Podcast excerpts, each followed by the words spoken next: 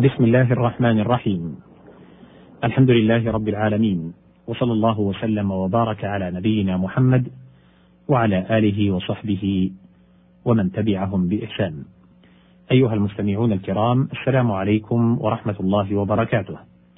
أحييكم على مائدة كتاب الله في قراءة لبعض ألفاظ القرآن الكريم المحتاجة إلى تفسير وبيان. وذلك بما قالته العرب الفصحاء في شعرها ونثرها مما يوضح هذه المفردات الكريمة.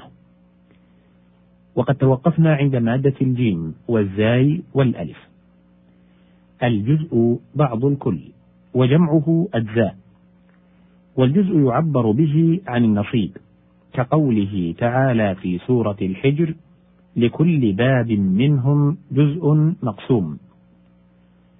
وقوله تعالى في سورة الزخرف وجعلوا له من عباده جزءا إشارة إلى قولهم الملائكة بنات الله. فجعلوهم بعضه لأن الولد جزء من والده. تعالى الله عما يقولون علوا كبيرا. وقال قتادة عدلا وقيل إناثا. والجزء اسم للأنثى. وأجزأت المرأة ولدت أنثى. قال الشاعر إن أجزأت حرة يوما فلا عجب قد تجزئ الحرة المذكار أحيانا. وقد أنكر بعضهم إثبات هذه اللغة أشد نكير وجعلوا البيت مصنوعا. حتى قال الزمخشري ومن بدع التفاسير تفسيرهم الجزء بالأنثى وما هو إلا كذب على العرب ووضع مستحدث منحول. ويقال جزأ الإبل مجزأ وجزءا اكتفى بالعلف عن شرب الماء ومنه الإجزاء عن الشيء وهو الاستغناء عنه. يقال أجزأ يجزئ إجزاء. واجتزأت بكذا اكتفيت به. الجيم والزاي والعين. الجزع هو الحزن وقيل هو أخص منه فإنه حزن يمنع الإنسان. ويصرفه عما هو بصدده ويقطعه عنه. وأصله القطع. يقال جزعت الحبل قطعته لنصفه. ولانقطاع اللون بتغيره قيل للخرج المتلون جزع. وفي الحديث فتفرق الناس إلى غنيمة فتجزعوها أي اقتسموها قطعا. والبسر المجزع ما بلغ الإرطاب نصفه. والجازعة الخشبة المجعولة وسط البيت. جعل عليها رؤوس خشبه. تصوروا أنه قطع لثقل ما يحمله أو أنه قطع وسط البيت. والجزع هو الفزع. ومنه قوله تعالى في سورة إبراهيم أجزعنا أم صبرنا؟ قال جزعت ولم أجزع من البين مجزعا وعزيت قلبا بالكواعب مولعا.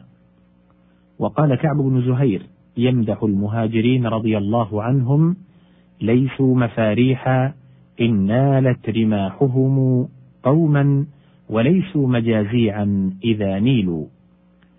ومفاريح ومجازيع جمع مفراح ومجزاع وهو الكثير الفرح والجزع. مبالغة. الجيم والزاي والياء. قوله تعالى في سورة البقرة لا تجزي نفس عن نفس شيئا أي لا تغني ولا تقضي ولا تنوب. كله بمعنى. يقال جزيته كذا وبكذا. قال تعالى ذلك جزيناهم بما كفروا. وقال وجزاهم بما صبروا جنة وحريرا. والجزية ما يعطيه أهل الذمة سميت بذلك لأنها تجزي في حقن دمائهم. الجيم والسين والدال. الجسد هو الجسم إلا أنه أخص منه من وجهين. أحدهما قال الخليل لا يقال الجسد لغير الإنسان من خلق الأرض ونحوه. وفيه نظر لقوله تعالى عجلا جسدا. ويمكن الجواب بأن يقال قوله ونحوه أي نحو الإنسان من حيث كونه حيوانا. فكأنه يحترز من الجمادات كالجبال ونحوها. والثاني قال الراغب وأيضا فإن الجسد يقال لما ليس له لون كالماء والهواء.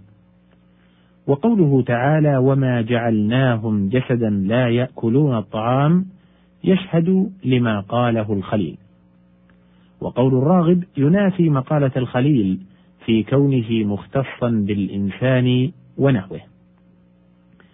الجيم والسين والسين. قوله تعالى في سورة الحجرات ولا تجسسوا.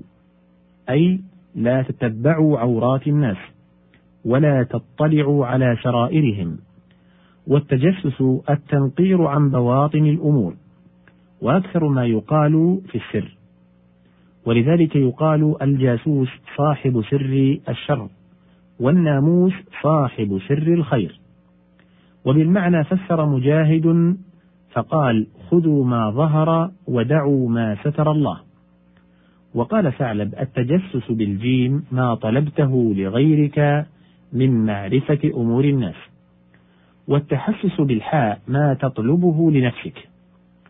وقيل التجسس بالجيم في العورات والتحسس في الخير. ولذلك قال فتحسسوا من يوسف. وقيل التجسس بالجيم تتبع العورات والتحسس الاستماع. وفي الحديث لا تجسسوا ولا تحسسوا.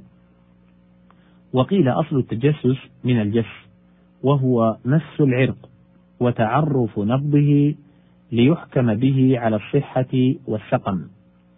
وعلى هذا فهو أخص من التحسس بالحاء فإن الجس بالجيم تعرف ما لا يدركه بالحاء. الجيم والسين والميم. الجسم ما له طول وعرض وعمق والجسمان الشخص والفرق بين الجسم والشخص أن الجسم وإن فرقت أجزاءه فكل منها يقال له جسم والشخص متى فرقت أجزاؤه زال عنها اسم الشخص.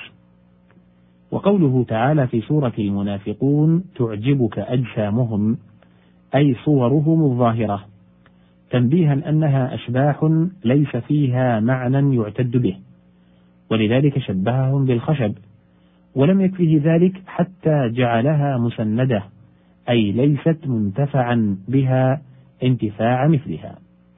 والجمع جسوم وأجسام ويستعمل الجسم في ذي الجثة قال حسان لا عيب بالقوم من طول ومن عظم جسم البغال وأحلام العصافير.